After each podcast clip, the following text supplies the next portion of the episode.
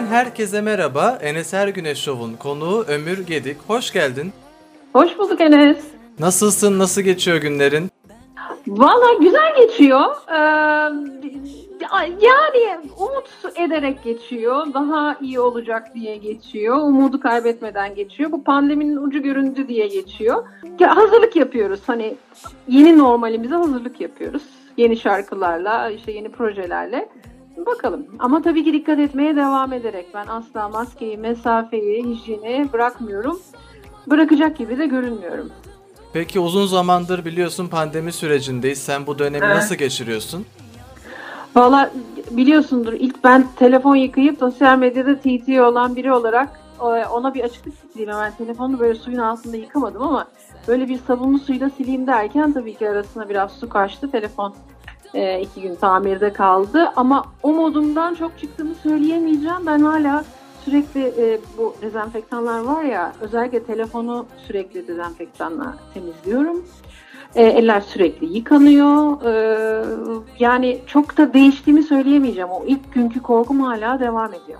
Peki yeni AP ayrılık e, töreni geçtiğimiz evet. günlerde yayınlandı. Bu AP'de Yaz Yağmuru da yeni versiyonla yayına girdi. Albümün hazırlık süreci nasıldı? Şöyle söyleyeyim Enes, bu çok uzun e, bir süreci olan bir e, şarkıydı. Özellikle ayrılık töreni. Çünkü bir Aysel Gürel şarkısı. Benim çok sevdiğim, çok saygı duyduğum müthiş bir e, kadın. Aysel Gürel'in daha hiç yayınlanmamış böyle sandığından çıkan yeni sözlerinden bir tanesine erişince ve Hakan e, Yeşilkaya'nın bestesiyle ve aranjesiyle buluşunca bir yıllık bir süreci oldu stüdyo okumalarının tekrar tekrar okudum çünkü şarkıyı gerçekten çok sevmiştim. Onu Eylül-Ekim gibi kliplendireceğim slow bir şarkı. Sözleri gerçekten beni çok etkiledi. Tabii Gelsel Güren'in sözlerine çok vuruldum. Onunla başladı serüven aslında ayrılık töreniyle. Sonra dedik ki hani hep single single gidiyorum. Yaklaşık bugüne kadar 30 tane 30'un üzerinde single yapmışım. Şarkı çıkarmışım. Bu sefer de dedim bir EP yapayım. 3-4 şarkılık. iki cover, iki tane de yeni şarkının olduğu bir iyi bak bana Neşe Seçil Tokat imzalı bir e, şarkı. O sıfır olarak yer aldı. E, bir Dön Diyemedim yer aldı Ferhat Göçer'e ait. Bir de işte Serdar Ortaç imzalı Yaz Yağmuru'nun remixi David, David Şabo ile birlikte yaptık. Çıkış şarkısını e, Yaz Yağmuru olarak seçtik. E, David'in aranjesi ve Yaz Yağmuru'yla çıktık. Yani gerçekten çok iyi bir aranja yapılmış ama şarkının sound'u çok iyi. Ben de çok beğendim. Her dinleyen de beğeniyor ve e, ilk kez radyolardan bu kadar e, uzun bir süreden aradan sonra bu kadar iyi tepki aldığım bir şarkım oldu. E, biliyorsunuz benim e, Halit Sezai ile birlikte yaptığım Paramparça ilk e, ismimin duyulmasını neden olmuştu. Bir 10 yılı var tabii ki o şarkının. Onun ardından e, buraya ait, sevgili buraya ait radyoda şarkısı vardı. O çok radyo friendly, radyoların e, tercih ettiği şarkılardan biri oldu. Ardından işte Leylim Neyler geldi, kendi şarkılarım geldi ama bu yaz yağmuruna gelen tepki son 2-3 yılda yaptığım şarkılar arasında en iyi, iyilerinden. Bu da beni çok mutlu etti. İnşallah karşılığı e, şey olarak da sahne olarak da bana geri döner. Hepimiz sahneleri çok özledik çünkü. Bu şarkıyı ben sahnede de söylemeyi e, çok çok arzu ediyorum, umut ediyorum. Bakalım bekliyoruz. Haziran, Temmuz ne olacak göreceğiz. Hasretime sen de benim yağmurum damla damla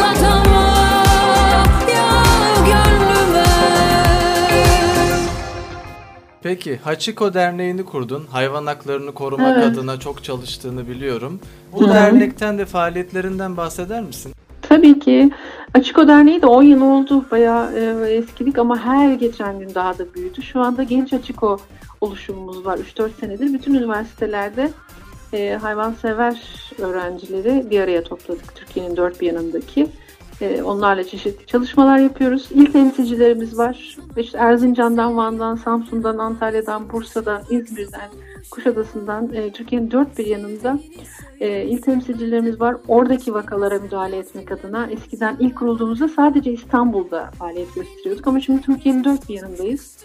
E, bütün vakaları anında müdahale ediyoruz. Mama gönderiyoruz. İl temsilcilerimize toplu beslemeler hafta sonları sürekli yapılıyor. E, onun dışında yasayla ilgili çalışmalarımız tabii ki devam ediyor. Ee, bakan ve bakan yardımcılarıyla e, Ankara'da görüşüyoruz. İki gün önce yine bir görüşme sağladık. Yasanın herhalde bir iki haftaya en azından ya da bir aya falan çıkmasını umut ediyoruz. Öyle bir beklentimiz var. Yasa ile ilgili çalışmaların dışında iki tane avukatımız var yönetim kurulumuzda. Bize şöyle de çok başvuru geliyor. Lütfen işte köpeğim havlıyor diye beni evden atmak istiyorlar. Veyahut da e, işte bir hayvana şiddet gösteren birini gördüm ne yapabilirim? E, bu tip e, davalarda da direkt avukatlarımız ilgileniyor. Yani hukuki anlamda da yardımda bulunmaya çalışıyoruz. Dediğim gibi sokak beslemeleri yani sahada çok etkin olan bir derneği. Sadece kedi köpek değil. Ekiplerimiz bu aralar özellikle çok fazla martı, karga ve leylek kurtarıyorlar. Kanatlılarla da ilgileniyoruz. Ee, onun dışında tabii ki eğitim çalışmaları e, var. Üniversitelerde seminerler veriyoruz. Şimdi yeni bir eğitim programı yazdırmaya başladık. Ee, anaokulları ve ilkokullara da gideceğiz önümüzdeki dönemde. Böyle devam ediyor. Çok yoğun Hachiko tarafı. İyi ki böyle bir dernek kurmuşsunuz. Gerçekten çok e, çok güzel bir oluşum. Çok teşekkür ederim. Çok sağ olasın. Bak çalıyor şarkımda son zamanlarda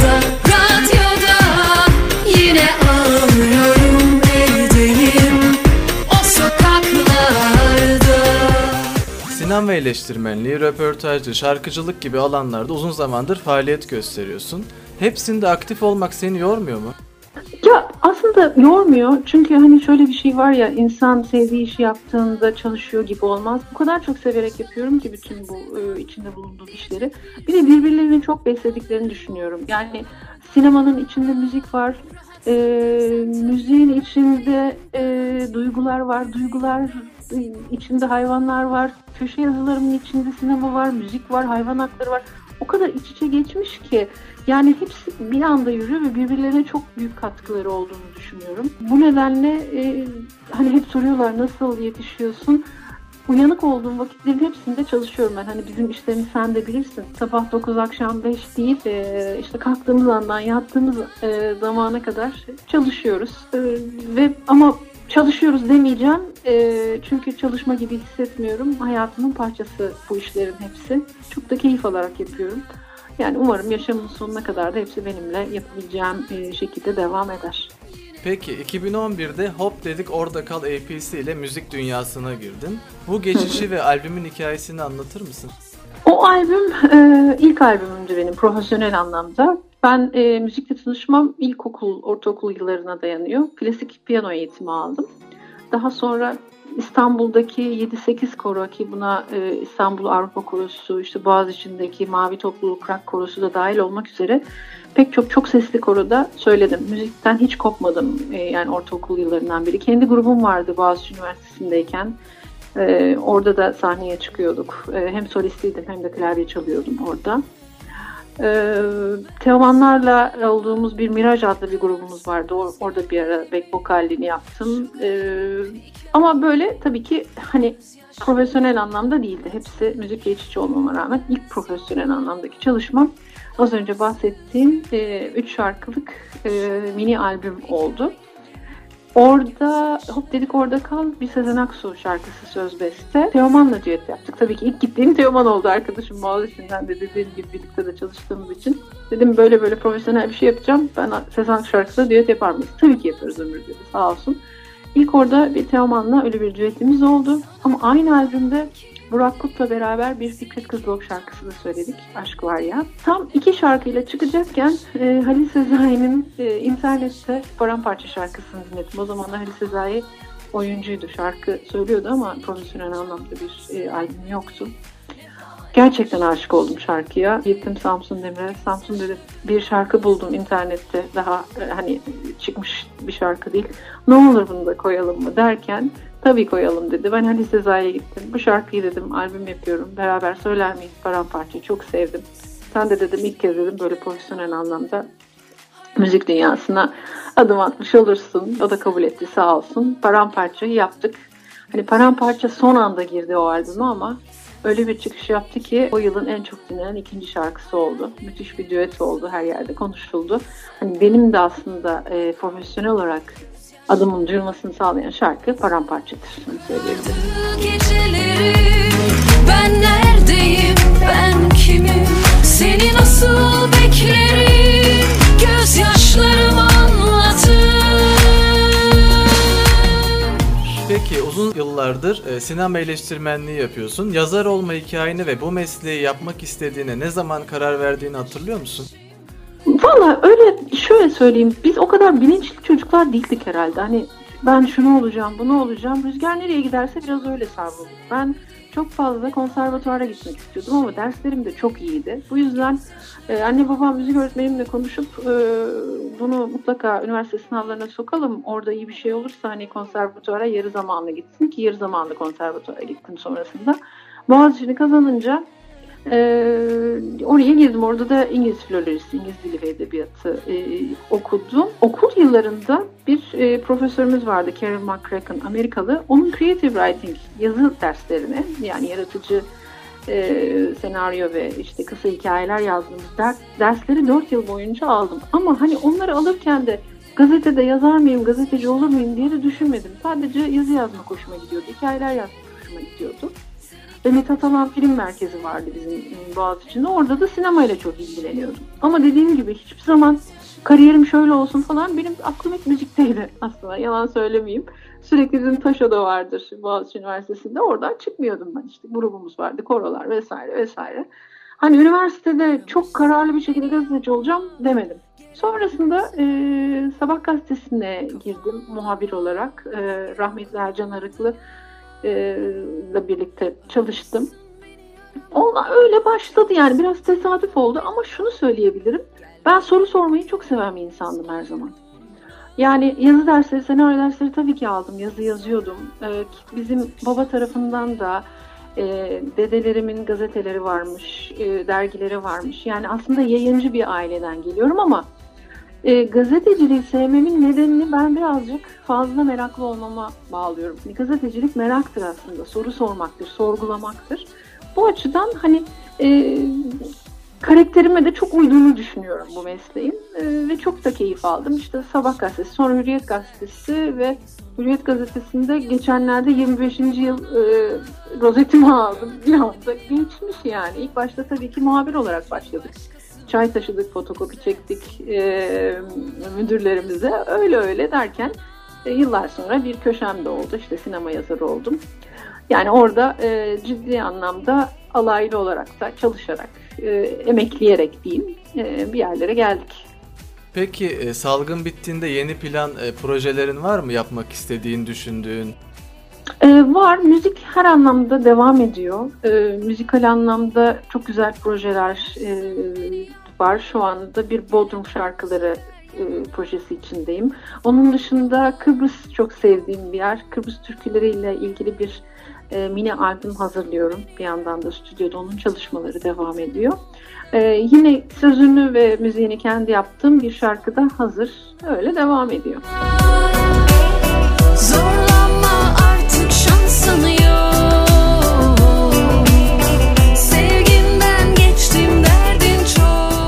Enes Ergüneş Show'un ikinci kısmına geçiyoruz. Sana bir takım sorular hazırladık.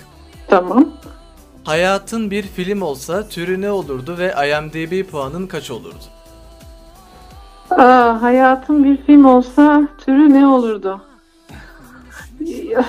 Yani hayatım bir film olsa şöyle söyleyeyim bol içinde hayvanların barındığı bir film olurdu. Her tarafından bir e, hayvan e, çıktığı ve Hachiko gibi bir film olmasını çok isterim. Öyle bir film olursa e, insanların finalinde o hayvanların ne kadar vefakar, ne kadar sevgi dolu e, ve ne kadar güzel canlılar olduğunu insanların anlayarak o filmi bitirmelerini ve filmin başında ve sonunda izleyen insanın o değişimi yaşamış olmasını isterim. Öyle bir filmin içinde olmak isterim. Herhalde Hachiko gibi bir e, dram hikayesi olan bir film olurdu. Aldığın en garip iltifat neydi? Böyle duyduğunda çok güldüğün bir iltifat hatırlıyor musun?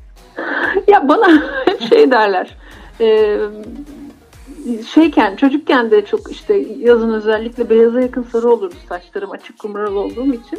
Hep sarı kız derler bana. Sarı kız da hep inektir ya. Ee, beni okulda hep sarı kızım sarı kızım diye çağırırdı öğretmenlerim. Bütün arkadaşlarım da gülerdi ama ben aslında gülmezdim şöyle. Çünkü inek aynı zamanda çalışkan da demekti. Ben aynı zamanda çok da aslında hani o kelimeye uygun bir insandım. Çok da çalışırdım. İnek hani inek denilen talebelerden bir tanesiydim. Bu sarı kızı hiç unutmam. Hep sarı kız, sarı kız. Sarı kız aşağı, sarı kız yukarı giderdi yani. Ama geldi aklıma şimdi. Bir misafirinin senin evinde yaptığı en tuhaf şey neydi? Ya bunu anlatacağım ama e, ne olur yanlış anlamasınlar. Yani kedileri köpekleri kötülemek istemiyorum. Benim e, bu bu yıl kaybettiğim rahmetli olan iki tane köpeğim vardı. Buddy ve Shiba benim hayatımı değiştiren e, iki canlı diyebilirim. E, bir de arkadaşım, arkadaş grubum var. Tabii bunlar bizim eve geliyorlar. işte yemek yiyoruz, oturuyoruz falan. Bir tanesi köpeklerden çok korkuyor. E, lütfen dedi hani salona almazsan çok sevinirim. Ben de ölüyorum ki insanlar görsün hani şey yapsın hani insan çocuğunu göstermek ister ya.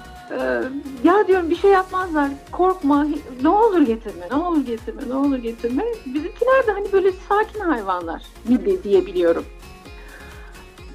Çaktırmadan hani nasılsa iyi olur diye böyle kalabalık 8-10 kişi oturuyoruz. Ee, kapıyı açtım Buddy ile Shiba'yı salona aldım.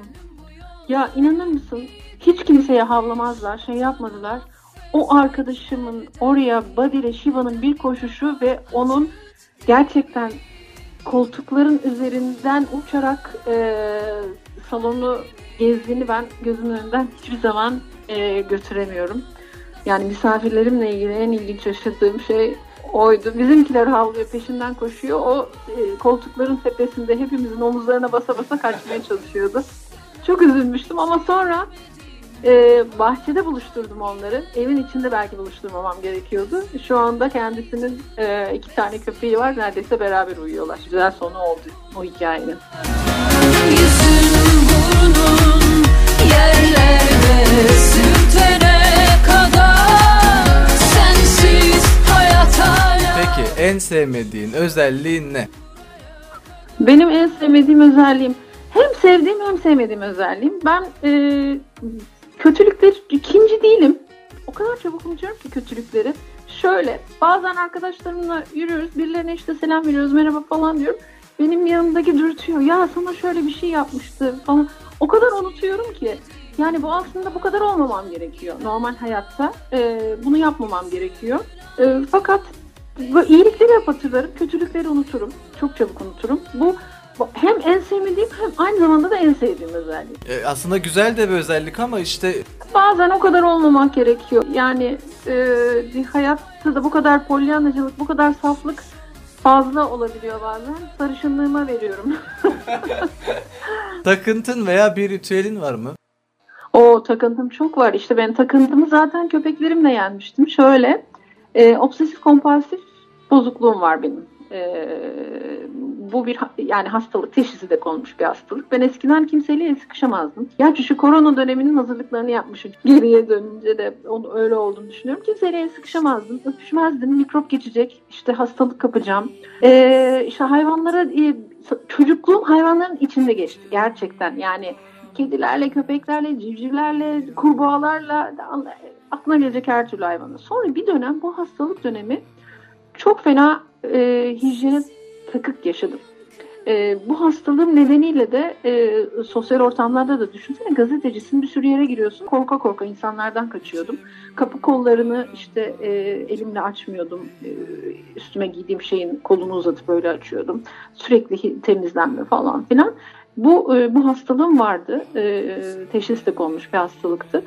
Fakat e, bir dönem ilaç tedavisi gördüm. Ama beni iyileştiren ne o ilaçlar ne psikolojik tedaviler oldu. E, ne zamanki Buddy ve Shiba ile tanıştım. Hayatımı tamamen değiştirdiler. E, tabii ki es, hiçbir zaman böyle e, çok rahat e, hani mikropları takmayan bir insan eski halime dönmedim. Yine takıyorum ki hani bu korona döneminde de aslında doğru yaptığımı da görüyorum bir yandan da. Ama öyle bir hastalığım hayatımda geldi geçti onu söyleyebilirim. Peki 15 sene sonrasına gidebilsen kendine ilk ne sorardın? 15 sene sonraki ömür geldi ve ona bir tane soru sorma hakkın var. Hmm, Şu hayvan hakları yasası ne zaman çıktı onu bana söyler misin derdim. Daha böyle kendinle alakalı bir soru sormak istesen e, ne sorardın? çok az şey merak ediyorum. Yani öyle şöyle söyleyeyim hani diyorlar ya kendini nerede görmek istiyorsun? Hayallerin var mı? Yani şu anda yaptıklarımın aynısını yapabiliyor olmak, devam edebilmek benim için yeterli. E, her şey aynı mı diye sorardım. Bu andaki hayatım devam e, etse ben çok e, mutlu bir insan olurdum 15 sene sonra da. Yani bundan daha fazlasını e, istemiyorum gerçekten de. İçim paramparça viraneyim